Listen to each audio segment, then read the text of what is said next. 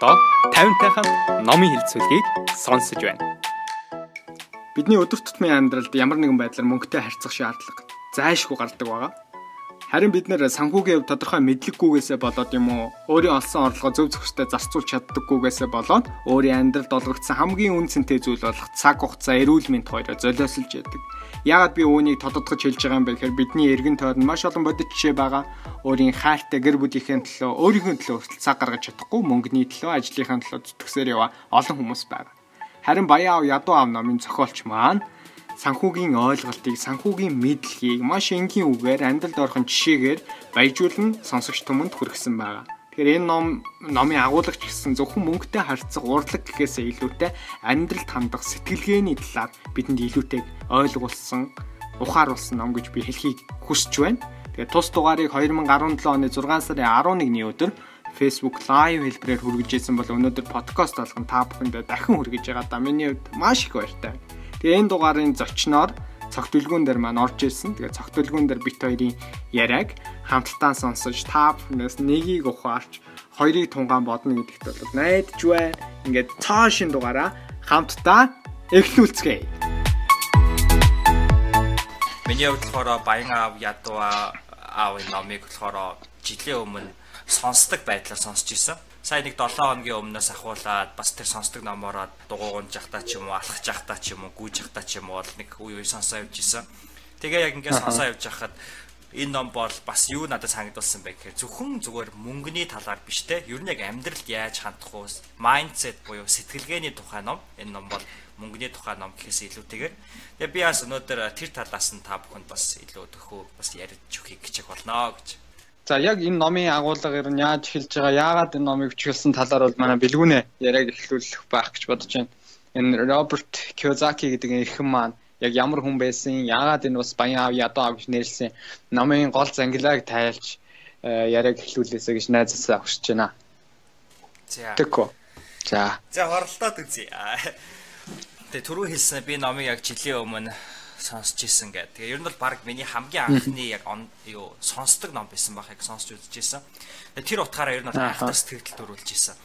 А Роберт Кiyosaki гэдэг энэ хүн бол өөрөө Asian American буюу Америк хүн а гэхдээ Аз гарлаа тийм ээ. А тэгээд өөрөө бол их тийм баян хороололд баян хороололд өөрөө өсөж тойрносоо ер нь бол тэр баячуудынхаа дэргэд ядуу Тэгээ ядуугийн дэргэд баян гэж хэлдэг те. Нэг тиймэрхүү одоо амжиргаатай нэг дундаж давхаргын хүн байсан. Тэгээд нөгөө айгүй баян одоо дүүрэгт амьдардаг. Тэгээ баян сургуульд явдаг дээрэс нь.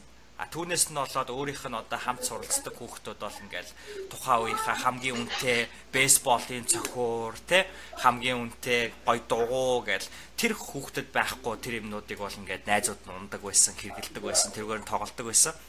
Тэгээд энд нь одоо гутраал манай аав ээж ядуу байна гэж ингэж бодохын оронд манай Роберт маань Боб гэж хэлж болно бас нэрийг хочлоод Роберт маань яаж баян болохыг ер нь бол ааваас асуусан. Тэгээд өөрийнх нь жинхэнэ аав одоо яг тэгээд цусан аав нь гэж хэлдэг юм уу. Тэр аав нь бол өөрөө багш хүн. А тэгээд аав нь болохоор өөрийнх нь Робертийн нэг найзынх нь аавтай нь уулзах уулзах тэр сандлыг тавьсан байдаг.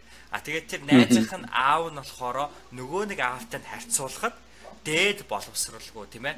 Аа тийм хүн байсан. А гэтэл нөгөө дээд боловсралгүй аав маань өөрөө баян аав дээд боловсралтай багш маань өөрөө ядуу аав болж энэ түүх маань өрнөж маш тийм гоё стори буюу түүхэрийн ном маань ингэж эхэлдэг. Тэгэл бүр багасаа тэр 10 жилдээ дунд сургуулиас ахуулаад Роберт Кiyosaki найзтайгаа ахуул нийлээд нэг хамгийн анхны бизнесээ хийж эхлүүлдэг тийм үү. Тэгээд нэг тийм би яг тэр түүхийн сайн санахгүй байна. Гэхдээ нэг тийм химийн бодис ялгар оны савнаас химийн бодис ялгаруулж аваад түүнийгээ зарах оролдлого хийдэг штэ тий. Тэгсэн чинь тэр нь хууль бус өгүүлэлт болж таарад. Тэгээд тэгээ зоосон мөнгө нөгөө ингээ хайлуулад Аа тийм. Оны сав яга зоосон мөнгө хийдэг нөгөө мөнгө хийгээд гэсэн чинь боддоор нь мөнгө хийгээд. Аа тий тий тий. Тэг яач тийм. Тэгснээ явж ийснэ нөгөөдөл чинь амар комик номонд дуртай. Тэгснээ комик номоо номнуудаараа нэг тийм гараашнд илүү дээ. Дэлгүүр нээгээд хүүхдүүдэд нөгөө комик номоод өдрийн нэг хідэн центерчлээд түрээслээд тэгж түрээслэх тийм комик номны түрээстэй болдог. Тэгээ айгүй их мөнгө орж ирсэн гэж байгаа. Тэгээ тэр мөнгөө өөрсдөө бас зохицуулж чадахгүй байсан учраас ажлын байр бий болгосон тий. Тэр ажлын байр нь болохоор ангийнхаа хамгийн сайн тоо боддог охиноо аккаунтант буюу ягтлан бодогчоор аваад нөгөө охин нь тэр өдөртөө комик комик номыг ингээд бүртгэдэг, зардаг, түрээслэг тэр ажлыг ингээд хийдэг. А нөгөө хоёр хүүхэд маань өөрсдөө ингээд тэр жижиг бизнесийн эзэд болсон. Нэг ийм их явж исэн. Тэгээд ингэж түүхэн эхэлж исэн санагдчихээн миний санаж байгаагаар. Тэгээд тийм ээ. За тэгэлгүй яг ерөнхийдөө тэр майкийн аа Роберт Киозакигийн найз Майк гэж залуу байгаа. Тэгээд Майкийн аав нь бол одоо тийм 7 дугаар ангийн боловсралтай шүү дээ эртөө тий. Тэгэд энэ хоёр өөрөө Роберт Киозакийн номоо яг ингээд өгүүллээ гэдэг эхлэнгүүт юу хэлдэг бэхээр надад хоёр эцэг байсан. Нэг нь баян эцэг, нэг нь ядуу эцэг байсан. Тэгээд тэр хоёр хүнийг хувьд хэрхэн надад зөвүүлж байсан бэ? Хэрхэн надад одоо амьдралын мөнгөтэй харьцах тэр санхүүгийн мэдлэгийг хэрхэн надад багшилж байсан бэ гэдэг зүйлийг бол товчхон ингээд харьцуулсан байдлаар ингээд тусгай явсан байдаг. Энэ номны гол агуулга. Гэхдээ бол баян аав нь илүүтэйгээр яаж мөнгөтэй харьцах урлаг мөнгөөр мөнгийг хийх урлагийг бол энэ э, хэрхэн хийх аргыг бол дурдсан байдаг юм байна. Тэгэд хоёр аавын хувьд бол нэг ийм зүйл байгаа. Мэдээж мөнгөний холболт мөнгөнтэй холбоотой бол ном тийм болохоор а баян аав нь юу гэж хэлдэг байсан бэ гэхээр мөнгө дутагдсанаар хүн чөтгөрийн өрхөнд орд юм а гэж хэлж байсан. А ядуу аав нь юу гэж хэлдэг байсан бэ гэхээр А хүн мөнгөнд дурлах юм бол өөрөө чөтгөрийн аманд ортгоо гэдэг ийм хоёр үзэл бодлын хувьд бол энэ үгнээс харах юм бол шууд үзэл бодлын ингээд зөрөлдөөн шууд илт болж эхэлж байгаа. Бидний хувьд ч тийм байдаг те. Монгол хүний нөгөө уламжил ч юм уу зан зан заншил ч юм уу нөгөө хэд хүүхдийг ингээд багаас нь ингээд мөнгөтэй харьцуулаад ч юм уу мөнгөний тухай ярингууд нь тийм юм ярьж болтгүй том хүний яриач гэдэг юм уу те. Хүүхэд ингэж мөнгөтэй мөнгөөр тоглож болтгүй юм мөнгөтэй харьцаж болтгүй ингээд тиймэрхүү зүйлүүд байдаг. Харин баян аавын хувьд бол яг нэг л зүйл хэлжсэн тэр нь хүүхэд багаасаа энэ хоёрыг хөвдөдүүд Майк болон Кёзаки энэ хоёрыг 9 настайгаас нь эхлээд энэ санхүүгийн боловсрал олгох энэ хүмүүнд мөнгөтэй харьцах урлагийн талаар бол нэгсэн хичээлүүд нь орж эхэлсэн. Амьдрал дээр бодит практик байдлаар хичээлүүд нь орж эхэлсэн гэж ойлгож болно. Тэгэхээр баян хүн гэж юу юм, ядуу хүн гэж юу юм гэдэг маань энэ мөнгийг хэрхэн харж байгаа гэдэг тэр өнцгөөс нь бол шууд тодорхой болж байгаа. Тэгээ дараах энэ үгийг бол хэллээ. За энэ баяа болон энэ ядуу аа хоёрыг ингээ харьцуулаад харъя л та тийм Тийм бол баян аавын хувьд бол ийм байгаа да. Баян аав нь ердөө 7 дугаар ангийн боловсралтай. 7 дугаар ангийн боловсралтай ямар нэг ихтэй зургуул төгсөөгүй. Гэхдээ хожимо хавай, хавайгийн хамгийн баян эрхмүүдийн нэг болсон баян аав. За ядуу аавнууд бол ахлах сургуулаа маш амжилттай төгсөөд ихтэй сургуульд орсон. Бүр сүүлдээ доктор болсон. За өөрийнхөө мэрэгчлийг дээшлүүлэх гээд Чикагогийн их сургууль, Стэнфордын их сургууль, Нортвестийн их сургууль гэх мэт гурван ихтэй сургуулиуд цаашаа яваад өөрийн мэрэгчлээ бол дээшлүүлсэн. Ийм эрхэм баг. Тэгэхээр боловсролын хувьд бол нэлээд өндөр боловсролтой хүн. Гэхдээ ядуу аав нь насныхаа төгсгөлд юутэй үлдсэн бэ гэхээр мөнгнөөс мөнгөний хооронд амьдарсараад өөрийн хүр өөр хүүхэдтэй өөрийн бичгтэл үлдээсэн. Өөрийн өөр хүүхэдтэй ямар нэг өөр хөрөнгө үлдээгээгүй өөрийн бичиг үлдээсэн. Тэгэхээр энэ баян хүний сэтгэлгээ, ядуу хүний сэтгэлгээ гэдэг энэ хоёр лог гарч ирж байгаа. Тэгээ цаашдаа бол яриа маань илүү гүнзгийрээд явах бах. Та хүн ингэж хэлэнгүүт тэгвэл хүн боловсралтай хүмүүс тэгвэл яагаад ядуу амьдраад байгаа юм бэ? Боловсрал өөрөө тэгвэл үн цэнэг юм шүү. Яагаад бид нар боловсрал эзэмших ёстой юм гэдэг зүйлүүдийг бол толгой дотор ч ийм асуултууд орж иж байгаа. Гэтэ энэ асуултуудыг бит хоёр бол дараа дараагийнхаа яриандаа ингээд тайлаад яа энэ номон дээр яг юу гэж тусгасан юм бэ гэдэг зүйлүүдийг гаргаад явна гэж бодож байна. Гэхдээ баян ядуу аа хоёр хоёулаа боловсралыг үнэлдэг байсан. Боловсрал бол чухал гэдэгт хоёулаа санал нийлдэг байсан. Аа боловсрал мэдлэг бол маш чухал. А гэхдээ ядуу аав нь юу гэж сургадаг байсан бэ гэхээр чи сайн ихтэй сургуульд орох хэвээр. Тэгээд хичээлээ сайн их хэвээр. Багшийн өгсөн үүрэг даалгаврыг чи биелүүлэх хэвээр. Хичээлээ таслахгүй явах хэвээр. За сургуулаа чи сайн төгсөө, сайн голч дүнтэй төгссөн бол чи сайн компанид орноо. Чи сайн сурч чадах юм сайн компанид орно. Сайн компанид орох юм бол чи яах вэ? Өндөр цалин аавна. За тэгээд чи тэр ажлын байраа алдахгүй тул баталгаатай тийм ажлын байранд ороод ажлын байрнаас ажлын байрны хооронд амьдрал гэдэг нэг зүйлийг хэлдэг байсан. Ядуу аавал тийм л зүйл хэлдэг. Чи хэрвээ сайн сурах юм бол гоё компанид орно, гоё ажилд орно гэж. А баян аавын хувьд бол арай өөр зүйлийг хэлдэг байсан. Боловсрол бидний хувьд чухал уу чухал. Гэхдээ сурахыг зөвлөдөг зүйлүүд нь өөр өөр байсан л гэж та бүхэн ойлгож байна. Ядуу аав нь нөгөө хичээлээ хийл гэж та бүхэнд хэлээд байна гэсэн үг. А баян аав бол боловсрол чухал. Гэхдээ чи яг өнөөгийн энэ 2017 онд юу яг чухал байгаад байгаа юм бэ? Тэр сурах хэвээр зүйлийг л та бүхэн арай чиглүүлэх зүйл нь өөр гэж ойлгож байна. Тэгээ үүгээрээ тэр хоёр хүний бол заасан хичээл нь өөр өөр байсан юм байна. За тэгээ хоёулаа ингээд хичээлүүд байгаа тэр хичээлүүд рүү шууд ороод эхлэхөө. Энд нийт хичээл 1, хичээл 2 гэж хичээл 3 гэж үйл ажиллагаанууд нь ерөнхийдөө байгаад тах шиг байна. За хамгийн ихний хичээл 1 гэж байгаа. Тэгвэл баян аав нь одоо жишээ нь Киозакид хичээл зааж эхэлсэн. За гэхдээ энэ хичээл яагаад заах болсон юм бэ гэдэг нь бол бас нэлээд уртдаг. Тэгээ та бүхэн энэ номыг уншаад үзсэн болохоор би бол энийг амар дэлгэрэнгүй ярихыг бол илүү үзэхгүй байна ер нь бол их сонирхолтой анх бол баян аавыгаа бол их өөр нүдээр хардаг байсан. Энэ ингээд хүнийг нөгөө Киозаки эсгэн тийм эсгэн настай хүүхдийг цалин өгөхгүйгээр хагас өдөр бол ажилуулдаг байсан бохоо. 3-аас 4 цаг үлээд ажилуулдаг. Тэгэл Киозаки өөр бодж эхэлсэн баг. А нөгөө мүлжөөд эхэлж байгаа. Яа тэгэхээр би ямар нэгэн цалингүй ингээд ажиллаж гин гэж ойлгож байгаа шүү дээ тийм. Цалингүй ажиллаж гин гэдэг уурлаад. Тэгсэн чинь хамгийн сүүлд нь яагаад тэр үнийг Майк тэр хоёрыг ингээд найстай хамт цалингүй ажилуулад байсан бэ гэхээр нэгсэндээ миний заах хичээлийг энэ хоёр сурч чадах нь уу гэдэг л зүйлийг тэр хоёроос олж харахыг хичээсэн байлээ баяа аав. Тэгээд э, тэр хоёрт бол тийм юм сурах эрмэлзэл байсан. Яагаад тэр хоёрыг тэгж үнгүй ажилуулад байсан бэ гэхээр энэ хоёр мөнгөний төлөө ажиллахгүйгээр үнэхээр сурч мэдхийн төлөө ажиллаж чадах уу гэдгийг л харахыг хүссэн байна. Тэгээд 9 настайгаас эхлээд хичээлүүд орж эхэлсэн. За тэр хичээлүүд нь ингээд дэвтэр ном байраад ингээд ямар нэгэн сургалтын өрөөнд суулгаад тэр хүнд хичээл зааж байгаа юм бол биш.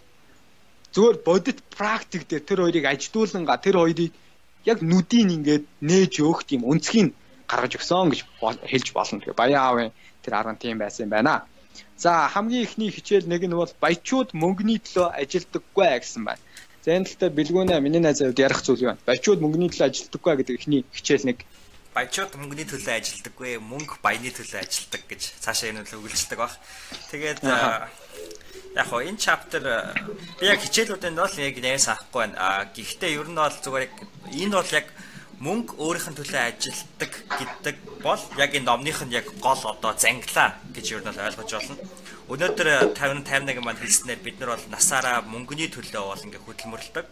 А тэгээ Роберт Кiyosaki түрүүн яг 51-ийн хэлсэн зүйл дээр юу гэж хэлдэг хэлсэн бэ гэхээр бид нар өнөөдөр насаараа мөнгөний төлөө хөдөлмөрч хөдөлмөрлчөөд мөнгө надад хэрэггүй гэж хэлдэг хүмүүс бол яг үнэндээ мөнгө хэрэгтэй гэд мөнгөний төлөө улаар нь цэцэгдэг хүмүүсийн дэргэд хамаагүй сэтгэл мэдрэлийн өвчтэй байж мэдэх хүмүүсээ гэж ном дээр хэлсэн байдаг. Энэ хичээл дээр зүгээр миний түрүүн бодсон зүйл дээр юу гэж хэлхийг хүссэн бэ гэхээр амьдрахад юуг бид нарыг хөдлөж байна юу бид нарыг өдөөж байна тийм ээ юу бид нар сэтгэл хөдлөж байна гэдэг дээр сүүлийн үед өөр нэгэн бас resources аваад ярахад бол амьдралыг ер нь бол дөрвөн им хөдлөгдөг гэж байгаа. Дөрвөн эм үсэг. Аа нэгт нь болохоор материал тий материал гэд хөрөнгө буюу мөнгө. Энэ бол хүнийг нэгт хөдлөгдөг юм хүчин зүйл байж болно. Магадгүй өнөөдөр энийг сонсож байгаа нэг хүнийг мөнгө хөдлөгдөг байж болоход нөгөө нэг хүнийг гэхдээ мөнгө юм уу материалыг эзүүл хөдлөгдөггүй байж болно. А дараагийнх нь болохоор movement буюу momentum. За энэ юу хэлж байна гэхээр аялал дуртай хүмүүс байдаг тийм үү? Бас яг энэ номон дээр Баян ав ядуу ав дээр Роберт Кирсаг хэлсэн байдаг. Баян хүн rich буюу хөрөнгөтэй хүн гэдэг бол одоо материалыг гэж баялагтай хүнийг хэлнэ. Wealthy буюу хөрөнгөтэй хүн гэдэг бол цаг хугацаатай хүнийг хэлнэ гэж. Тэгэхээр movement буюу Өнөөдөр 21-р зуунд бид нар хэдий их чинээний хөрөнгөтэй байна. А хэдий чинээний санхүүгийн их чөлөөтэй болно. А гэтэл бас эсрэгээрээ хэдий их хөрөнгөтэй байна нөгөө эдтэй хүн 15 таа гэдэг шиг бас хитрхи их тэр хөрөнгөөсөө болоод өөрсдөө хүлж хордог хүмүүсээс байна л да. Тийм учраас үүнийг бол нөгөө нэг эдийн засгийн одоо тэр санхүүгийн IQ санхүүгийн боловсрал тий санхүүгийн IQ санхүүгийн боловсрал гэх тэр санхүүгийн сахилга баат гэдэг зүйлсээрээ удирдах өөртөө тэр их чөлөөг бий болгож өөрийнхөө хүссэн зүйлийг хийж хүссэн газар руу аялах тэр их чөлөөг олох нь хоёр дахь юм буюу movement гэж байгаа. За гурав дахь юм нь болохоор mating гэх. За та нар мэдж байгаа одоо нөгөө ямар заарц нэг амар амар гарууд ингээл амар мөнгөтэй олчоод тэгэл ингээл хүүхнүүд тойрол суулгаад хэвээр ингээл хизээч хүнтэй гэрлэхгүй мөртлөө өдөр болгон өөр хүүхэнтэй болцоол өөр хүүхнүүдтэй ингээл амьдраад идэг те. Тийм хүү бусад хүмүүстэй одоо mating буюу одоо үс одоо зүгээр би би секси таашаал авах тийм зорилготойгоор мөнгөтэй болох хүсдэг хүмүүс байна гуравт. Угсаа гарахгүй. За дөрөвт нь болохоор яагаад амар мөнгөтэй болохыг хүсдэг вэ? Гэхээр а мастери буюу нэг юмд бол аимшигтайгаар одоо эзэмших. Одоо яг мэрэгших тийм үү а Тэгэхээр нэг юмд мэрэгших за муугаар хэлвэл одоо монополчлахын тулд тийм ээ өнөөдөр бид нэг компани байгуулад тэр компани маань өөрөө яг тэр салбартаа хамгийн number 1 байхын тулд өнөөдөр бидэрт мөнгө бас яхаа аргагүй хэрэг болдгоо гэж. Тэгээ энэ дөрвөн зүйл байна. Дүгнээд ирэхэд бол материал, movement, mating буюу одоо үржих тийм ээ. Тэгээ мастеринг буюу эзэмших гэдэг ийм дөрвөн эм зүйл. Энэ дөрвөн зүйл бол хүнийг одоо ингэж одоо хөдлөгдөм байна гэж. Тэгэхээр энэ дөрвөн зүйлийг хөдлөхөөр хөдлөгдөгч энэ дөрвөн зүйлийг бодоод аль нь үнэхээр таныг хөдлөгч ийн гэдгийг бид нар өнөөдөр бодох хэрэгтэй. За намайг одоо жишээ нь movement буюу нэг өнцгөөс нөгөө өнцөг рүү аялах ч юм уу. Тийм их чөлөө хөдлөгдөг байж болно. А тэгж байгаа тохиолдолд бол би өнөөдөр хөрөнгөтэй хэрнээ бас хөрөнгөө өөрөөсөө хол байлгах тийм ээ тэр хөрөнгө намайг удирдах биш би тэр хөрөнгийг удирдах ийм байх хэрэгтэй болчихж байгаа. А тэгээд энэ бол яг нэгдүгээр чаптер буюу нэгдүгээр хичээл буюу чи мөнгөний төлөө ажилтдаг биш мөнгө чиний төлөө ажилтдаг болох ёстой гэсэн ийм чаптер юм байна. Хичээл гэж ойлгож байна. Миний хувьд нэмжлэх энэ хичээл нэг дээр байгаа нэг 2 3хан зүйлүүд байна. Тэгээд энэ зүйлүүдээ илүү тодтоод хэлье гэж бодож байна. Хамгийн эхнийх нь болохоор амьдралын нэг өрх гэж яагаад энэ номон дээр гардаг харахны зам гэж. Энэ ямар амьдрал байдаг юм бэ гэхээр яг л цалингаас цалингийн хооронд ингээд амьдраад байгаа. Байнга л ажиллаж яддаг завгүй. Аа гэхдээ ингээд нэг цалин аваад өндөр цалинтайж байсан нөгөө цалин ингээд тухайн хүний хэрэглээнд нь зарцуулагдаад дуурчдаг. Тэгээд дараагийнхаа цалин хүлээдэг. Ийм цалингаас цалингийн хооронд ингээд амьдарч байгаа. Энэ өөрөө харахны зам юм байна л да. Хүн тэгээ нэг л энэ замд орчих юм бол эргэж үүнээс гарахад бол маш их цаг хугацаа шаардлагатай маш их төвчээр маш их мэдлэг шаардлагатай хамгийн их шаардж байгаа зүйл нь цаг хугацаа байгаа. Тэр энэ харахны замын хамгийн түрүүнд хүн харах хэвээр энэ харахны зам руу дахиад гүүгээд орчихгүй тулд санхүүгийн боловсрал хувийн санхүүгийн сахилга бат гэдэг зүйлүүдийг бол маш сайн мэдэх ёстой гэдгийг энэ номон дээр бол тодор тусгаж өгсөн байдаг. Тэгээд Майколон Кёзаки хоёрыг энэ хамгийн ихний хичээл нь яг юуг харуулахыг хүссэн бэ гэхээр хүн өөрөө мөнгөний төлөө ажиллаад эхлэхээр өндөр цалинтай ажиллаж бай, бага цалинтай ажиллаж бай, ажиллаад эхлэхээр хүний нүд өөрөө ингээд таглагдаж эхэлдэг юм байна. Яагаад тэгэхээр нөгөө хүн мөнгөө л бодно. За би энэ 3 сар ажиллачлаа, би гайгүй ажиллаж байна да. Дөрөв захирал дээр ороод нэг цалингаа нэмүүлчихсэн гэж тухайн хүн боддог. Нөгөө л бол жилдээ ганцхан удаа авдаг 3 7 хоногийн амралтаа боддог. За хизээ амралтаа авах уу гэж боддог. За би ингээ гайгүй ажиллаа нийгмийн даатгалаа төлөөд яваадах юм бол нэг гайгүй өндрөөр тэтгэрээ тогтоолгох боломж байгаа гэж боддог. Тэгэхээр нөгөө цалин мөнгөө л бодоод байдаг. Энэ цалин гээл те. Мөнгөний төлөө ажилласаар гад хүн тийм болчдөг юм байна. Нүдийг ингээ тагалчдаг гэж бодож байна. А Тэнгүүтээ Кёзаки Майк хоёрыг цалингүй ажилуулсны нэг нууц нь юу байсан бэхээр та хоёр мөнгөний төлөө би сурахын төлөө ажиллах ёстой гэдэг санааг бол илэрхийлэх өгсөн. Тэгээ тэр хоёр нөгөө мөнгөний төлөө бус ажиллаж байгаа болохоор тухайн өдөр зүгээр би мөнгөгүй ажиллаж байгаа юм чинь би эндээс ядаж суралцах ёстой гэдэг нэг ухтгун тэр хоёрын тархин дотор байдаг байсан. Тэгж явж байгаа тэр хоёр нөгөө комик ном зарах тэр арга арга олж авсан байхгүй. Яаж би ном зарах вэ те? Аа энэ хүмүүс чинь ингээд ийм мөнгө олох боломж олцоо байдгийн байх шүү гэдгийг тийм аргыг өөр олж харсан гэж ойлгож байна. Тэгэхээр хүн мөнгөний төлөө биш сурахын төлөө ингээд ажиллаад эхлэх юм бол таны бизнесийн нүд өөрөө нэгдэх боломжтой маа гэдгийг нэг эхний хичээлээрээ жижигхэн point байдлаар та бүхэндээ ингээд хэлье. Тэгээ та бүхэн илүү дэлгэрүүлээд ингээд уншиж уншсан байх зарим нь уншаагүй нэг нь болохоор тэгээ 2 3 удаа ч уншсан байж магадгүй дахиад уншаад илүү сонирхолтой байх та. За хичээл 2 гэж. Шууд хичээл 2 руу орчих. Энэ бол санхүүгийн цагаан толгойг заахын өчр гэж байна. Тэр нь бол санхүүгийн мэдлэг гээл тэгэхээр хүмүүс хэн бодох бүртгэлээр сурж байгаа хүн ч юм уу санхүүгийн менежментээр сурж байгаа эдийн засгчаар сурж байгаа хүмүүс илүү хамаатай штэ гэдэг байдлаар хандаж байж магадгүй те зарим нь. Гэхдээ бол мөнгөтэй харьцаж байгаа л бол бид нар зах зээлд өнөөдөр оролцож л байгаад бол гараад бүтээгдэхүүн худалдаж авж байгаа л бол бид нар өөрөө аа санхүүгийн мэдлэгийг бол өөртөө бий болгох ёстой. Тийм болохоор энэ сэдвийг бол энэ дээр хүндсэн байгаа. За хамгийн эхлийнх нь амьдралын туршид хүн өөрөө хэр их хэмжээний мөнгө олсон бэ гэдэг нь төдийлөн чухал биш. Би хэр их хэмжээний мөнгийг тогтоон барьсан бэ гэдэг нь илүү чухал. Энэ бол өөрөө санхүүгийн сахилга бата гэж та бүхэн ойлгож байна. Тэгэхээр хувийн сахилга бат гэдэг зүйлийг хамгийн ихэнд ярих нь зүйтэй баг. Энэ дээр хэд хэдэн график байгаад байгаа. За хамгийн эхлээд орлогын тайлан гэдэг нэг юм байгаад байгаа. Орж ирж байгаа орлогоосоо хэдийн хэмжээний зардлыг эргүүлээ гаргаж байна гэдэг. За та орлого олдог. Цалинтай бай. За хувийн бизнестэй бай хамаагүй. Ингээд орлого бол байнга орж ирж яадаг. Хүн өөрөө орлого орж ирэнгүүтээ мэдээж нөгөө орлогоо ингээд зардал болгож гаргадаг. А гэхдээ энэ дэр хэд хэдэн мөнгөний урсгалыг илүү толоор харуулсан байна. Одоо чинь санхүүгийн тайлан болон орж орж иж байгаа орлогоо зардлаа байн хяндаг хүмүүс байгаа бол доор комент хийээрэй. Нөгөө байн тэмдэглэл хийдэг гэсэн үг шүү дээ. За энэ сард би тэдийн хэмжээний орлогыг олж чадлаа гэж бичдэг. Тэнгүүтээ за зарлах гэд өдөр болгон зарлах хийхдээ жижиг дэвтэр дээр ингээд бичдэг. За би ийм ийм хүнсний зүйл худалч авлаа. Ийм зардал гаргалаа. За өнөөдөр гадуур нэг хоолцсон шүү. Тэдэн төгрөгөөр найзуудтайгаа нэг кофе уугаа суудсан. Тэдэн төгрөгөөр гэд. Тэгээ та бүхэн орлого болон зарлагынхаа ингээд тайлан гаргаад үзээрэй. За би ийм хэмжээний орлоготой юм байна. За ийм хэмжээний зардал гаргаж яриа гэж. За тэр дундаас цэвэр ашиг гэж гарна. За цэвэр ашиг маань та яг нэг сарда хэдийн хэмжээний цэвэр ашигтай ажиллаж байна гэдгийг та өөрөө тооцоод үзээрэй. Энэ дээр одоо жишээ нь хөрөнгө хөрөнгийн тал дахь бэлэн мөнгөний урсгалын загвар гэж байна. Тэгэхээр хүмүүс өөрөө хөрөнгө болон өөр төлбөр хоёрыг хооронд нь ялгадаггүй юм байна л да. Яагаад вэ гэхээр би гайгүй орлоготой болоод эхлэнгүүт нөгөө зардлаа хэсэгчдэг давхар. Тэнгүүт хүмүүс хөрөнгөтэй өнгөч хээ юм бэ гэхээр олж ирж байгаа орлогоос өөрөө хөрөнгө худалдаж авж байгаа хүмүүсийг өөрөө хөрөнгөтэй өнгөж. За хөрөнгө гэдэг маань байш юм шээ.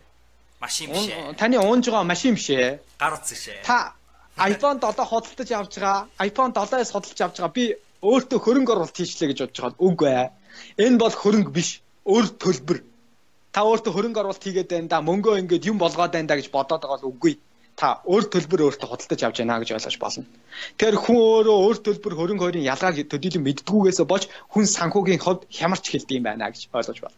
Тэгэхээр хөрөнгө талдаа байгаа энэ график нь юг харуулж байна гэхээр 50 өнөөдөр орлоготой. За амар гоё эргээр бодъё л доо тий гэгээлгээр сарын ингээд би 10 сая төгрөгийн орлоготой залуу бай гэж бодъё.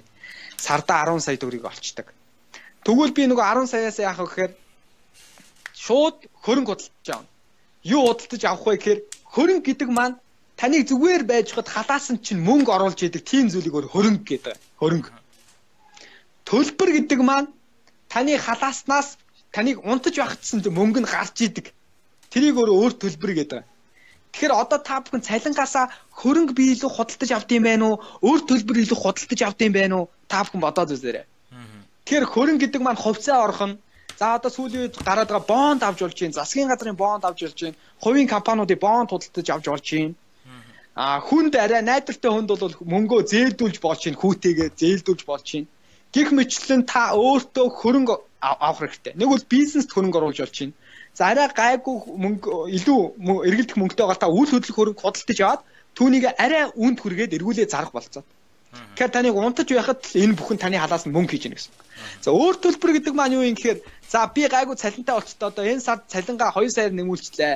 За цалингаасаа iPhone 7 худалдаад авчи. За лизэнц. Одоо яах вэ? Та хөрөнгө гэж бодсон чи сар болгон таны цалингаас мөнгө татна. Таныг унтаж яхад халааснаач мөнгө ав. За Mobicom дээр сарын таны утасны төлбөр 45 мянга. Дараа төлбөр барьдаг. Сар болгон таныг унтаж явах чи мөнгө талааснаас яавна. За байр лизэнчлээ. Тэг сар болгон та байрны лизэн төлнө. Сар болгоны 25 та банкн дээр очиж лизингээ төлнө. 10 сарын эхэнд 2 хувааж төлдөг бол 10-д очиж лизингээ төлнө та бүр нойргүй за одоо маргааш чи нөгөө байрны лизэнд өгч юм да хаанаас мөнгө олох вэ за яах вэ шаналж эхэлнэ. Тэгэхээр өөр төлбөр хөрөнгө хоёрын ялгаа нь өөрөө энэ юм байна. Тэгэхээр өөртөө бол хөрөнгө оруулах хэрэгтэй гэдэг санааг би өгөр хэлчихсэн. За энэ бол орж иж байгаа орлогоо хөрөнгө болгож чадж байгаа юм бол хөрөнгийн тал тал дахь бэлэн мөнгөний урсгалыг бол сайн хинж байгаа юм гэсэн. За хоёр дахь нь өөр төлбөрийн талд байгаа бэлэн мөнгөний урсгал гэж байна. Өөр төлбөрийн талд байгаа. За одоо нэг өөр худалдаж авдаг хүмүүс гэсэн. Тэр хүмүүс маань орж ирсэн орлогоо шууд өөр төлбөр болгоод эргүүлээ зардал болгоод гаргадаг гэсэн. Мөнгөний урсгал нь тийм загвараар явж байна гэсэн. Тэгэхээр та өөрийнхөө олж байгаа мөнгийг яг хаашаа урсаж гарч байна гэдгээ хинж явахыг та бүхнээс хүсэх гээд байна. За одоо нэг сонирхолтой жишээд энэ бол гэрээсээ а өөрийнхөө гэр бүлээс тусдаа гараагүй байгаа ганц бие болон ядуу хүмүүсийн график. Энэ номонд тэгж бичсэн байгаа шүү хатуухан хэлэхэд.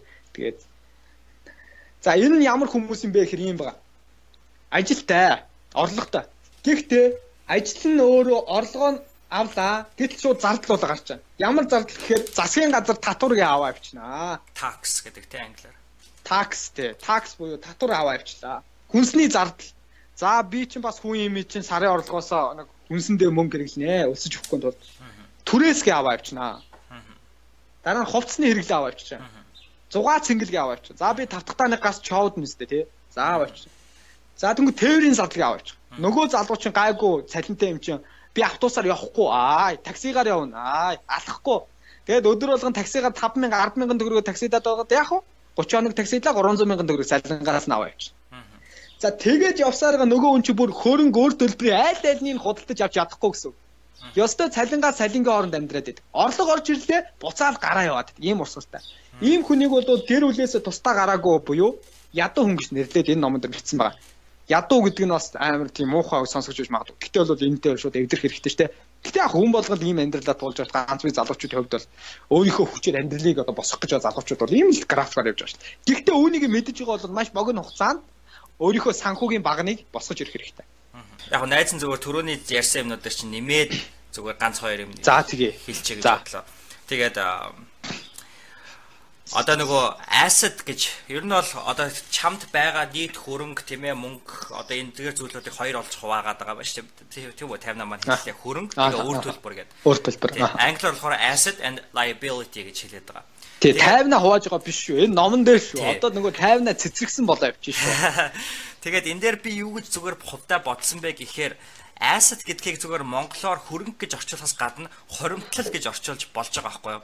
Тэгээ яагаад хоримтлал гэж орчуулад байна гэх юм бол одоо нэг амар юу шиг а За жоо жавхлан ах шиг юм ярьчих. За улсын горлыг гэсэн жавхлан ах шиг. Хоримтлал гэдэг бол байгаа учраас ингэж байгаа юмнуудыг улам ингэж одоо нэг зүйл ингэж байлаа гэж бодоход тийм ээ. Энэ зүйл бол өөртөө өөртөө адилхан зүйлүүдийг татаж хоримтлуулж идэг. Яг л адилхан бид нар өнөөдөр хадгаламжийн данстай байхад өнөөдөр бид нар хоримтлалын данстай байхад бид нар түүнээс сар болгон нөгөө ноогдл ашиг гэж аваад идэг тийм ээ. Энэ бол өөрөө хоримтлал буюу хөрөнгө байгаа байхгүй. А asset гэдэг нь биш liability буюу үр төлбөрөнд маань 50-аг маань хэлснээр нөгөө одоо үр зээл тавиал байгаад юмнууд хэлж байгаа. Сүүлийн үед одоо Монгол нэвтэрчин тийм үү дараа төлбөрт карт гэж англиар бол кредит карт гэж хуваагаад байдаг. Энд дээр тий яг үнэ. Энийг зүгээр одоо жижигхэн санхүүгийн мэдлэг. Монголчууд нөгөө нэг кредит картыг ер нь манай банк санхүүгийн систем кредит карт гэхээр зүгээр ингээд нөгөө мөнгөө байршуулаад зурдаг тийм картыг хэлээд байдаг. А Америкт хүрээд ирэх юм бол кредит карт гэдэг бол зээлийн карт, дебет карт гэдэг бол өөрийнхөө хөдөлмөрж олсон мөнгийг байршуулдаг ийм хоёр карт байдаг. Тэгэхээр кредит карт буюу дараа төлбөрт карт бол Америк нэгдсэн улсын consumer debit буюу хэрэглээний үр төлбөрийг бол аимшигтай хэмжээнд хүргэдэг ийм одоо зүйл байгаа. Тэгээ өнөөдөр зүгээр дунджаар Америкийн нэг өрх бол 50000 долларын consumer debt буюу хэрэглээний үр зээлтэй байдаг. Тэгээд энэ бол яалтчгүй Америкийн санхүүгийн зах зээлэг бол унгаах аимшигтай аюул руу ер нь бол жилээс жил улам бол татсаар байгаа. Америк бол өнөөдөр дэлхийн хамгийн өндөр өртөө улс орнуудын нэг бол аль хэдийн болсон.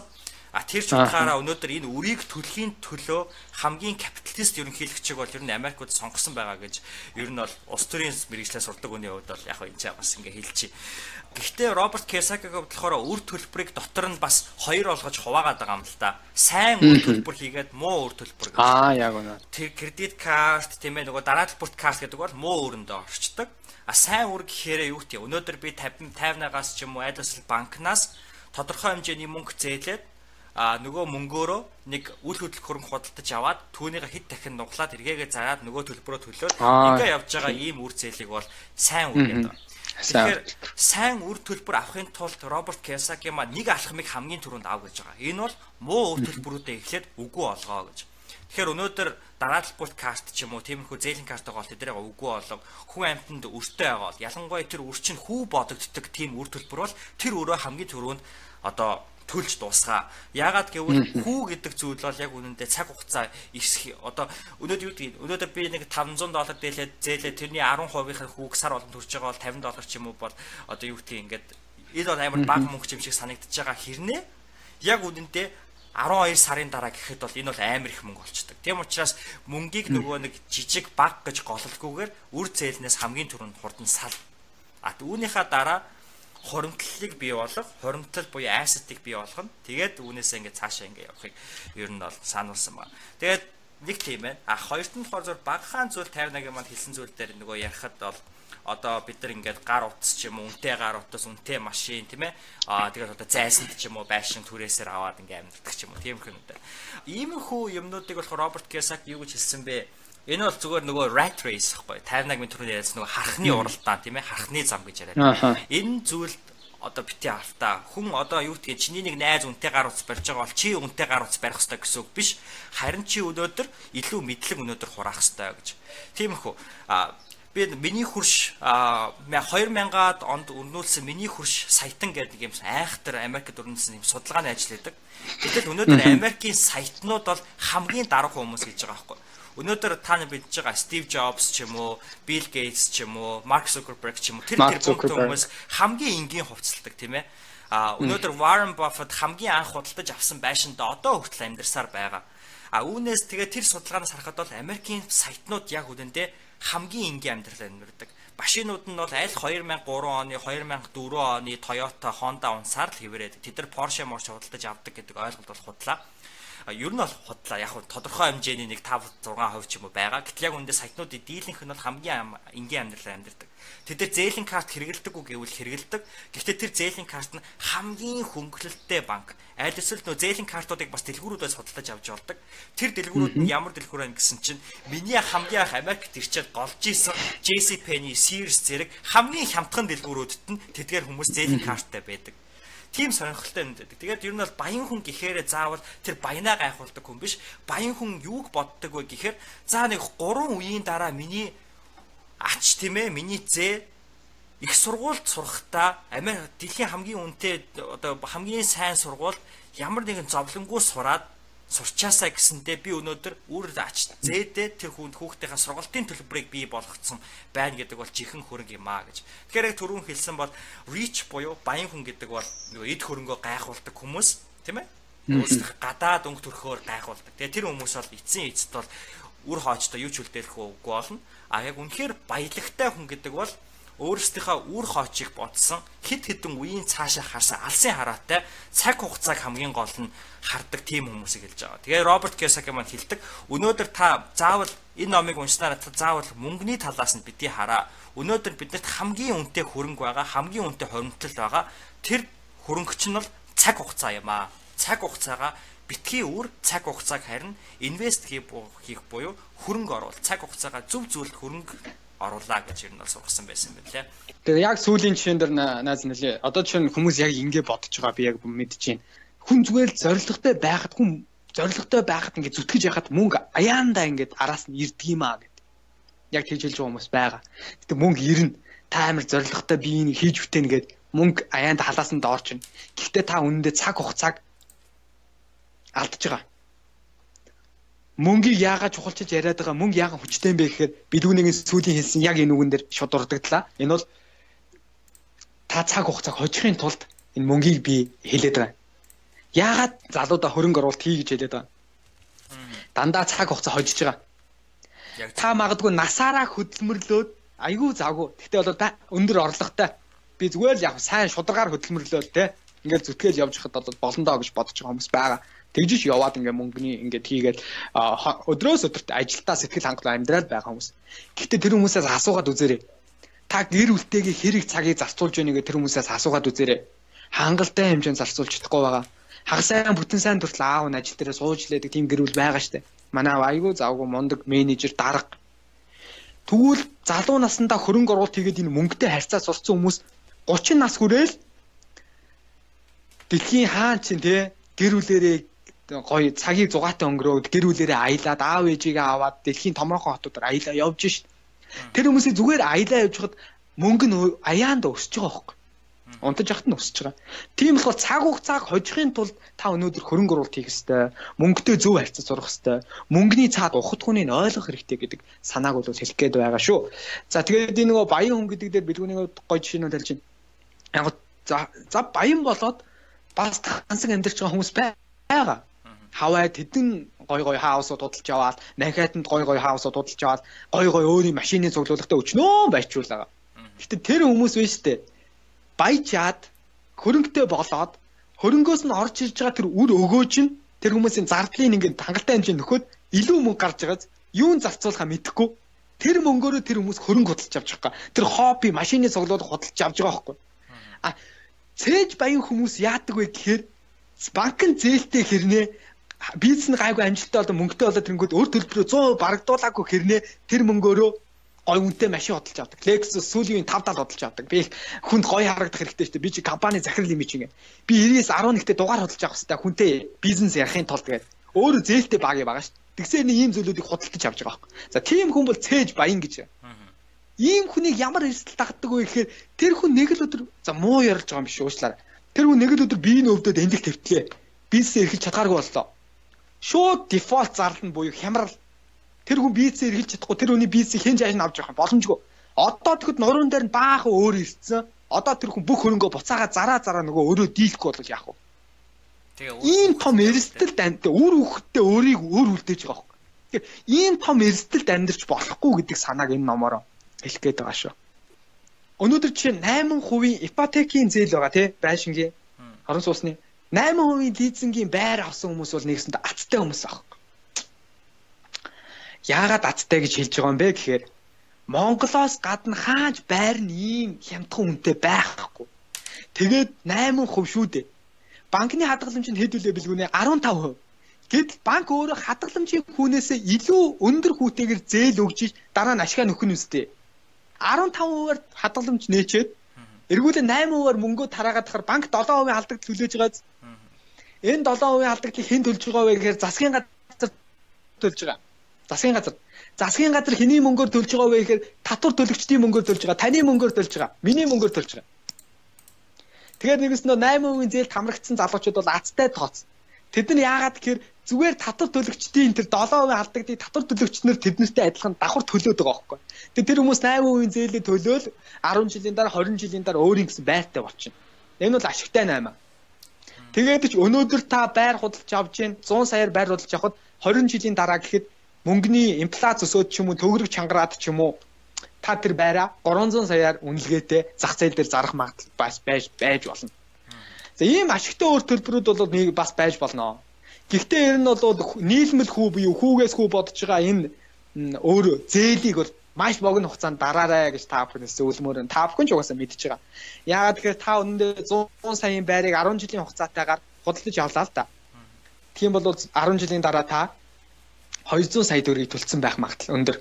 Яагаад тэгэхээр үндсэн төлбөрийг хоёр дахин нуулж төлж гинэ гэсэн үг. Үндсэн төлбөрийг хоёр дахин нуулж төлж. Тэгэхээр та нэг хэсэндээ 100 саяын байрыг зээл хийснээр 200 саяар хөдөлтөж авч яана гэж ойлгож байна. Тэгэхээр ойр дотны хүн чинь айл болох зээлтэй байгаа бол тэр хүнд нь алуулахгүй тулд маш богино хугацаанд дарахыг хичээгээрэй. Ийм байна.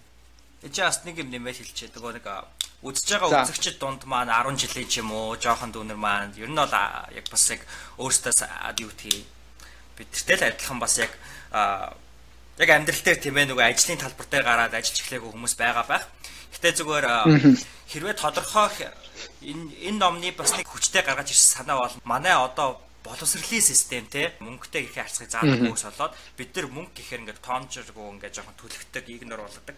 Тэгээ энэ ном бол яг нэг санааг амар илтгэсэн байдаг. Хүн юу ид та түн шигэ болно гэдэг шээ те. Нэг юу eat you eat you become what you eat буюу чи юу идэн чи яг тэр болно гэж. Тэгээ энэ хүн Роберт юм болохоор чи юу сурна яг тэр хүн болно гэж. Тэгэхээр нөгөө нэг эргээгээд нөгөө цаг гэдэг зүйл рүү орчиж байгаа. Өнөөдөр та өдрийн 24 цаг байлаа гэж бодоход 7-оос 8 цаг унтраагаа унтаад өнгөрүүлчихэж байгаа бол үлдсэн нөгөө нэг өдрийн 3-ны 2-оо аль юунд зарцуулж чинь тийм ээ? Юуг сурж өнгөрүүлж чинь та яг тэр хүн болно гэж. Тэгэхээр мөнгө гэдэг ойлголт ингээ ороод ирэхээр тэрийг түлхдэг биш. Харин эсэргээр мөнгийг сайн сурдаг ч юм уу? Мөнгө ер нь яаж ажилладаг юм бэ гэдгээс сурах хэрэгтэй гэж. Тэгээд энэ дээр бас дурдсан байдаг хамгийн түрүүнд өөртөө төрүүлж төл гэж тийм ээ бусдад зориулж төлөхөөс өмнө өөртөө төрөөс төл. Одоо 50 58 маань хэлсэн бид нар нөгөө такс буюу татвар төлдөг гээл тийм үү. Тэгээл нөгөө дээрээс янз бүрийн кредит карт тэгээл нөгөө зээл мэлэнд юм төлнө. Тэдгээр төрүүлж янз бүрийн төлбөр ихээс өмнө өөртөө төлөө гэж. Тэгээ өөртөө төлнө гэдэг нь юу яриад байна гэхээр The Richest Man in Babylon гэдэг ном байдаг. А Babylon-ы хамгийн баян хүн гэдэг. Энэ номон дээр болохоор би бол уншсан байхгүй. Тэгсэн чинь амар сонирно хідэн чаптерээс би санахгүй. Гэтэ чаптер болгоом яг нэг санааг давтаал гэдэг баг. Тэр санаа болохоор нийт олсон орлогынхоо ядаж 10.1-ийг цааш нь хураа гэж. Тэгээд нөгөө дахиад айсад бий болгоод байгаа ч хоримтлал бий болгоод нөгөө хоримтлал нь болохоор тэнцэнэ ингэж мөнгийг улам үржүүлээд байдаг. Тэгэхээр өнөөдөр хэрвээ заавал юу үгтгий ажлын хэлбэртэй гараад хэдэн цаг ажиллаад одоо яг үгтгий мэрэгчлэр ажиллаагүй зүгээр цагийн ажил хийж байгаа тохиолдолд 100000 төгрөг оллоо гэж бодоход 1000 төгрөгийг нь цаашаа тавьдаг байх хэрэгтэй болж байгаа юм. Гэтэл өнөөдөр бид нар 100000 төгрөг юу гэдгийг хоол хүнсэндээ хэрэглэх хэрэгтэй байсан бол өнөөдөр бид нар 1000 төгрөг цаашаа тавьчихсан тийм тавьсан тийм үү? Гэтэл өнөөдөр бид нар дахиад яаж 1000 төгрөг олох уу гэдэг ийм асуудал гарч ирж байгааз. Тийм учраас энэ үед хүний толгой ажиллаж эхэлдэг гэж байгаа. Тэгээд өөртөө төрүүлж төлчөөд дараа нь бусдад төрүүлж төлсөн төлөх гэж байгаа ийм одоо схемийг, ийм системийг өөрийнхөө амьдралд бий болгочвол нөгөө бусдад төлөх ёстой хүмүүс чинь чамаас мөнгөө шаардж эхэлнэ те. Өө нөгөө татвараа төлөөч, өө нөгөө мөнгөө төлөөч, төлөхгүй бол чамааг ийм бол хорлоо шүү, инглиш тэглээ шүү гэд. Тэгээд чам дээр ингэж прешэр хийж эхэлнэ. Тийм үү ингээд амар ингээд тал талаас чи даараа тавьчлаад тэр үед бол хүний толгой ажиллаж эхэлдэг гэж байгаа байхгүй. Тэгээ тийм учраас өөртөө зориулж төл өөртөө зориулж эхлээд мөнгө төгрөг зарцуул хуримтлыг бий болгох гэдэг нь бол бас нэг энэ өмнө гол санаа байсан гэж тийм ээ. Энэгэс нь хөшүүргээ болгож өгч яах гэсэн үг шүү дээ. Санхүүгийн дарамтаа өөрийгөө нөгөө бизнесийн бизнесний санаагаа сэрэх хөшүүргээ болгож өгч юм гэж ойлгож байна тийм. За тэгвэл одоо хэрхэн хөрөнгө оруулалт хийх юм бэ? Хэрхэн оновчтой хөрөнгө оруулалт хийх вэ? Хэрхэн санхүүгийн эрх чөлөөнд хүрэх вэ гэдэг зүйлүүдийг энэ номон дээр яаж тусгаж өгсөн бэ гэдэг зүйлүүдийг хэлж байгаа. Мэдээж хувьцаа ав гэж байгаа. Хөрөнгө оруулалт хий гэж байгаа. Тэр болгоноос би зүгээр нэг хэдхэн зэшэглэх гэсэн. Хөө өөрөө оновчтой хөрөнгө оруулалт хийхийн тулд санхүүгийн мэдлэгтэй байх, мөнгийн санхүүгийн хувийн санхүүгийн сахилга батыг байлгахын тулд ямар ямар мэдлгүүдийг ерөнхийдөө эзэмсэн байх шаардлагатай гэхээр анхны шатны дөрвөн мэдлэг байт юм байна. Хамгийн ихнийх нь нэгтлэн бодох бүртгэл. Нэгтлэн бодох. Аливаа нэгэн санхүүгийн тайланг өөрөө хинжлээд уншиж уншичдаг чадвартай болох хэрэгтэй. За энэ компани чи энэ жилд хэдий хэмжээний орлоготой ажилласан байна. Хэдий хэмжээний зарлагтай жилсэн байна. Нийт компани үндсэн хөрөнгө нь хэд байна? Бүгдийг өөрөө та шинжилээд унших чадвартай авах хэрэгтэй. Тийм бол за энэ компанид би хөрөнгө оруулах юм бол нэг 5 жилийн дараа гэхэд миний хувьцаа 10 дахин өсөх магадaltaй байна гэдэг шинжилгээнүүдийг та хийх чадвартай болно гэсэн. Хоёр дахь зүйл нь болохоор хууль та ямар нэгэн хуулийн анхан шатны мэдлэгийг олж авах хэрэгтэй. Хуулийн тухай мэдлгүүдийг ер нь санхүүгийн хуулиуд ер нь хэрхэн хэрэгждэг юм байна уу? Монгол улсын хуулинд хэрхэн заасан байд юм байна. Тэр зүйлүүдийг бол мэдэх шаардлагатай байна дөрвөн зүйл байсан юм а. Би энэ дараагийн нөгөө хоёр зүйлийг мартчихад байгаа юм. Одоо тэгвэл би ингээ хангалттай хэмжээний мэдлэгийг авчлаа, санхүүгийн мэдлэгийг авчлаа. Одоо тэг ингээ хөрөнгө оруулах гэсэн чи би ингээ таг гаццсан. Ямар таван бэрхшээл байдгийм бэ гэсэн чинь айдас. Хоёр дахь нь эргэлзээ ба готрон гүзэл. Гурав дахь нь залхуурал. Дөрөв дахь нь муу зуршлууд. Тав дахь нь бие тоосон байдал гэж байна. За нэгдүгээр шалтгаан бол буюу айдас гэж байна ихэнх хүмүүс ингээл хөрөнгө оруулалт хийгээл хэн нэгэнд ингээл мөнгө өгөх гээл юу гэж бодох вэ? айж эхэлж байгаа байхгүй. За би ингээ сая төгрөгийн хөрөнгө оруулалт хийчихье. Нөгөө хувьцаа нь унчуул яана. Миний сая төгрөгийг салхинд хийсч хийсчээ. Хийсч штэ гэдэг. Тэг хүн болго ямар нэгэн ингээ тоглолтоонд орохдоо огт ялах ялагдахыг хүсдэггүй штэ тий. Алдахыг хүсдэггүй штэ тий. Тэрнтэй адил хүмүүс ингээд огт алдахгүй ямар нэгэн эрсдэлгүй тоглоомд ингээ орохыг хичээгээд байгаа байхгүй. Зүгээр л амар ашигтай тий баг 80 90% би хожих магадaltaй юм ингээ мөнгө оруулах гэдэг байна. Тэр бол өөрөө баг боломжгүй зүйл. Үнэхээр та тийм эрсдэлгүй зүйлд орохыг хүсэж байгаа зүгээр хадгаламж нь жилийн 15%-ийн хувьд хадгаламж нь мөнгөө байршуул нөгөө боон тултаж яваал өгөөж хүртэл явж чад хангалттай. За харин та үүнээс илүү үр өгөөж хүртэнмээр байна гэж байгаа бол та эрс зоригтойгоор хөрөнгө оруулалт хийх хэрэгтэй. Гэхдээ бол юу ч мэдэхгүй зүйл рүүгээ хязгааш бити хөрөнгө оруулалт хийгээрэй. Найз нь яг нэг юм хэлчихэ. Хэлчихэ. Яг 58 маань түрүү хэлснээр юу ч мэдэхгүй мөртлөө бид нар өнөөдөр хөрөнгө оруулах юм бол Роберт Кiyosaki хэлж байгаа. Энэ бол мөрөдө тоглоом тоглохтой адилаа гэж. Яг л мөрөдө тоглоомд хамаг мөнгө тавиад тоглохтой адилхан. Тийм. А бас нөгөө хоримталтай байхын нэг ашиг нь юу гэх юм бас 51 хэлж байгаа саан дээр дөрөөлөд ярихад бол өнөөдөр хоримталтай байх тусмаа өнөөдөр бид нар өөрсөндөө илүүх боломжийг бий болгож идэг тийм үү. Миний дансанд өнөөдөр 100000 доллар байлаа гэж бодоход өнөөдөр маш гоё бизнес цэцэглээд идэг. Тэр өнөөдөр тэр бизнес цэцэглэх гэж байгаа өнөөдөр тэр penny stock буюу нэг одоо хувьцааных нь ашиг нэг хувьцааных нь IPO нь одоо юу гэдгийг 10 центээр гарсан бол би 100000 доллараар хэдэн мянган хувьцааг тэндээс хөдөлж авч болох уу те. Тийм учраас хоримталтай байх тусам өөртөө боломжийг нээж өгдөг гэдгийг бас энд ингэ нэмэлж. Аа зөв. За хоёр дахь зүйл нь болохоор эргэлзээ ба гутран гузэл гэж байна. Яг ингээл хөрөнгө оруулах гал байж хад тэндээс нэг найз нь хэлнэ. Өө наад чи ашиггүй гэсэн штэ удахгүй хувьцаа нь унагс наа чи амар эсгэлтэй юм шүү. Янз бүрийн шуумууд орж ирнэ. Тэр болгон та өөрийн оюун бодолч өөрчлөгдөн. Нэрээ тийм юм болоо за болиё доо. Гэх мэтлэг хөндлөнгийн тийм шуумуудаас найлуулах бити өртөөрэй гэдэг санааг хэлхий хүссэн баг. За тэгээ залхуурал муу зуршлууд бие тоосон байдал байдал гэдэг. Тэгээ энэ санаануудыг бол манайхан тэгээ өөрсдөө бол ерөнхийдөө уншиж болох бохоо. Тэгээ би энэ дээр ганцхан гоё зүгээр жишээ хэлье. Аймхай туулайнуудад хандаж хэлье гэж энэ номон дээр тэгж бичсэн байгаа шүү. Би тэгж хэлээгүй шүү. Колонел Сандерс гэдэг эрхэн байгаа тий. KFC. Юу лээ ямар эрхэн блэ? За тий. KFC-гийн нээсэн эрхэн байгаа. Одоо хүн болгон KFC орж байгаа ингээд гоё сахалтай өвөө байгаа тий. Бишэлтэй. За тий яа гэнэ. Тэгээ Сандерсын хувьд болохоор 60 наснда өөрийнхөө бицийг алдсан 66 наснда өөрийнхөө бүх бицийг алдаад зүгээр ингээд дампуурч байгаа байхгүй юу? 60 нас 6 настай хүн. Тэнгүүтээ тэр хүн өөрөө шантраагүй. Яасан бэ гэхээр 66 наснда тэтгэврт гарчаад нөгөө халамжийн мөнгө авч байгаа тий. Гэт нөгөө хангамжийн мөнгө нь хаанаач хөрдгөө тэнгүүд за би ямар нэг өөр зүйл хийх бол болохгүй байна. Энэ хангамжийн мөнгө надад юу ч болохгүй байна. Миний хэрэглээнд огт ингээд хангалттай хэмжээнд болохгүй байна гэдэг. Тэнгүүтээ өөрөө нөгөө шалсан дахианыхаа жорыг бариад маш олон газараар явсан. Энэ шалсан дахианыхаа жорыг бүтэмжтэй болгохын тулд 1000 9 удаа үгүй гэдэг хариулт авсан. Тэгээ 1010 дахь удаага очиод за наа чин гоё жор байна хамтарч ажлыг хөрөнгө оруулъя. Наад бизнесээ чи босхийг хөрөнгө оруулалтыг өөртөө татаж чадсан байна. Тэгэхээр аймхай тулаануудад хандаж хэлэхэд зоригтой байгаараа юу нааш битгий яагаараа хамгийн гол мэдлэгтэй хөрөнгө оруулалт хийгээрэй. Тэгэхээр хөрөнгө оруулалт хийхин тулд ажиллаа хийх ёстой. Ажиллаа хийдгээрээ хийжээ тий. Би ажиллаа хийгээ шууд хөрөнгө оруулалт хий гэдэг энэ номны агуулга биш үү. Ажиллаа хийгээ та орлоготой болох ёстой угаасаа орлого тэр ажлаас олж ирж байгаа илүү хуримтлал бий боллоо. Хангалттай хэмжээнд хуримтлал бий болгочлоо. Одоо тэр хуримтлалаа та сагснуудад өндгөө байршуулж эхэлж байгаа байхгүй юу? Нэг сагсанд бүх өндгөө байршуулчих юм бол тэгээд шууд тэр тэр нь будаа болвол тэгээд дуусна шүү дээ тий. Тэгэхээр аль болох сагсанд өндгөө бол олон сагсанд ингэж хуваарлуулж хөрөнгө оруулалтаа хийгээрэй гэдэг санаа хэлэх гээд байгаа шүү. Билгүүнэ миний назын хувьд нэмшилэх зүйлүүд юу байна? Томс Эдисон ингээ найзтайгаа цуг нөгөө нэг гэрлийг зохион бүтээх гээд ингээ бэлтжижсэн. Тэгсэн чинь нөгөө нэг гэрлээ яг ингээд асаах гад туршилтаа хийгээд ингээд нөгөө Конопо дасч амар том дэлбэрсэн гэж байгаа. Вау, тэнгэр дуурч шүү дээ. Харин тэгчээд. Тэгээд нөгөө нэг Том Сэдисэн тэгээ амар дэлбэрэл болсон гэж аахгүй лабораторид нь. Тэгсэн чинь нөгөө Том Сэдисэн чи гяс ингээд дэвтэр номоо бариад үзэг харандаага бариад нэг юм бичээд эхэлсэн гинэ. Тэгсэн чинь нөгөө найз нь амар уурлаад хөөж чи одоо солиорч юм уу? Чи яг хоёрыг алах шахлаа штэ гэсэн чи Том Том Сэдисэн. Солиороод ах юу байгаа юм бэ? Бид нэр харин 9999 дахь удаага энийг яаж хийж байж болохгүй вэ гэдгийг бичиж авлаа штэ гэж байгаа. За тэгээд тэгж хэлчихэд тэгсэн гэж. Магадгүй энэ тесрэл дараа нь өөр юмд бид нар хэрэгтэй болж магадгүй юмыг бичээд авчаа гэсэн гэж байгаа юм.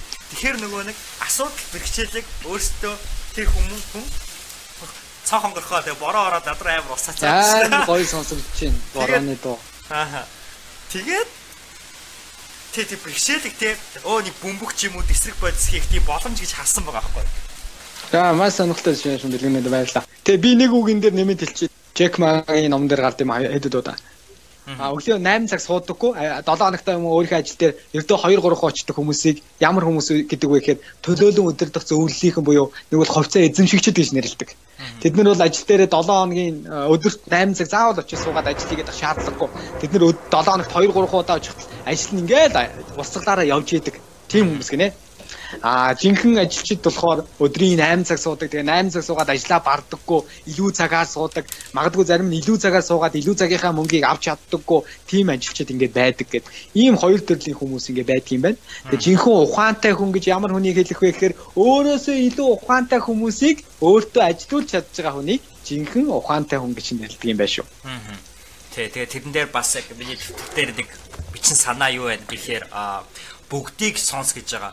Роберт Кiyosaki хэлсэн байдаг. Өнөөдөр хин нэгэн одоо юу гэх юм 50 бит хоёрыг огтхонч хүндэлдэхгүй байж болно тийм ээ. Бит хоёрыг үнэхээр яадаг асуудал. А гэхдээ төр зур тэрийг төр зур хоош нь тавиад сонсоод үзэх хэрэгтэй гэж байгаа. Роберт Кiyosaki бол. Яг энэ нөгөө их цан гэж байгаа шүү дээ тий. Их цан. Тий. Тэгээ яагаад вэ гэхээр өнөөдөр бид нар хамгийн дайснасаа хамгийн дургу үнээсээ хүртэл хамгийн зөв санааг олж сонсох тийм боломжтой байдаг гэж энэ номдэр туссан байт юм лээ. Тэгээд мэдээж хэрэг энэ хүртэл цаг гаруй сонсоод ирсэн хүмүүс хамгийн open minded хамгийн сэтгэлгээ нь ууч юм сайхан хүмүүс байгаа гэж би бас бодож байна. Хоёулагийн бас нэг уншсан ном байгаа те Наполеон Хилийн Think and Grow Think Think гэдэг. Think Grow Rich гэдэг ном байгаа. Энэ ном бол яг юм зоригтой бай гэж. Зорилгоо бүр ингээд байнгын бичээд өдөр болгон өөртөө уншиж түүнийхээ бүр мэдэр тийм ээ. Бүр аль хэдийн тэр зорилгодоо хүрсэн байгаа юм шиг тэр мэдрэмжийг өөртөө ав Тэг. Өөрийгөө зоригтой хүрсэн байгаагаар нь мэдэрнэ гэдэг бол амьдралд ялах урлаг. Тийм ээ? Ялагчд ялдаг ял ялагдагчд ялагцаар байдгаа гэдэг үг байдаг. Энэ бол яг л тийм утгатай. Ягаад бол ялагчд аль хэдийн тэр ялалтыг мэдэрдэг учраас тэр хүмүүс ялсаар байдаг. Өнөөдөр бид нар зоригтой учраас зэр зоригтой хүрэхэд хэрэгтэй зүйлүүдийн нэг нь л мөнгө. А тэрнээс бол мөнгө бол яг үнэндээ амьдралын утга учир мөн үү гэвэл олон хүмүүс үгүй гэж хэлнэ тийм үү. А гэхдээ энэ бол өнөөдөр зоригтой хүрэх чинь хэрэг болох нэг нь тийм төхөөрөмж ч юм уу нэг тийм хэрэгсэл хэрэгсэл баггүй зоригтой хүнийг мөнгө дагнаа гэж. Тэгэхээр зоригтой хүн гэж бол өнөөдөр хүн шиг хүнийг хэлээд байгаа. Өнөөдөр би бас хурдаа боддгийг хүн болгон энэ хорвоо ертөнцийн нэгэн зоригтой л ирсэн байгаа. Тийм учраас тэр зорилгоо олж нэгээд тэр зорилготой хүрэхийг өдөр болгон бас өөртөө сануулж агаарай гэж Наполеон хийлийн хэлснээр бас та бүхэн сануулгыг хүслээ. За за тэгээд бидэртээ өнөөдөр хамт байсан бүх үзэгчтэй маш их баярлалаа тийм ээ. Энэ бид хоёрын хамтдаа хийсэн нэвтрүүлгийг үзэж байгаа хүн болгоны хувьд бол үнэхээр туйл их баярлж байна. Аа маш их баярлалаа. Аа миний бас нэг би амар олон хийсэр менторуудтай хүн. Тэгээ манай миний хийсэр менторууд нэг Гэри Вайнерчак гэдэг хүн байдаг. Энэ хүн болохоор сүүлд хэлсэн нэг нэвтрүүлэг дээр юу ч хэлсэн бэ гэхээр надад хамгийн анх хэлэхэд нэг үзэгч хамгийн чухал байсан гэж хэлжсэн. Тэгээд энийг үзэж байгаа үзэгч бол 50-аагийн банд хот тийм ээ. Нэг үзэгч болон хамгийн чухал байсан. Яа цаашдаа ч гэсэн яг тэр хэвээрээ байх болноо гэж бид хоёр бодож байна. Тэгээ хамтдаа байсан хүмүүстээ маш их баярлалаа. Тэгээд оюуныхаа цангааг цаашдаа үргэлж таймнаатай манд хамтдаа тайлаарай. Энэ хүртэл тууштай байж сонссон сонсогч танд маш баярлалаа. Энэ удаагийн дугаар өөрийн амьдралд хамгийн үнцэнтэй хөрөнгө оруулалт хийх э, сэтлийг төрүүлж гисэн гэдэгт бид хүн найдаж байна. Тэгээд Сэхэтэн подкастыг үргэлж сонсдог сонсогч та бүхэн яг одоо юу их маш сайн мэдж байгаа. Хэрвээ энэ удаагийн дугаартай холбоотой ямар нэгэн сэтгэгдэл талархсан зүйл байх юм бол та бүхэн яг энэ подкастыг скриншот хийгээд өөрийн Instagram story дээр тайвна цэгбэ гэсэн миний Instagram хаягийг меншн хийснээр би та бүхний сэтгэлдлийг сэтгэлдлийг олж харах боломжтой байгаа. Та бүхэн тэгээд сторио хийгээрэй. Тэгээд та бүхний сэтгэлдлийг хүлээж авмагцаа би зөвхөн хариу илгээх болно. Тэгээд дараа дараагийн дугаараар дахин уулзтлаа. Төр баяртай. Энэ удаагийн дугаарын төгсгөл өөртөө хүсдэг хамгийн сайн сайхан хайр дурлал аз жаргал инээд хөрөхний та бүхэн төсөө.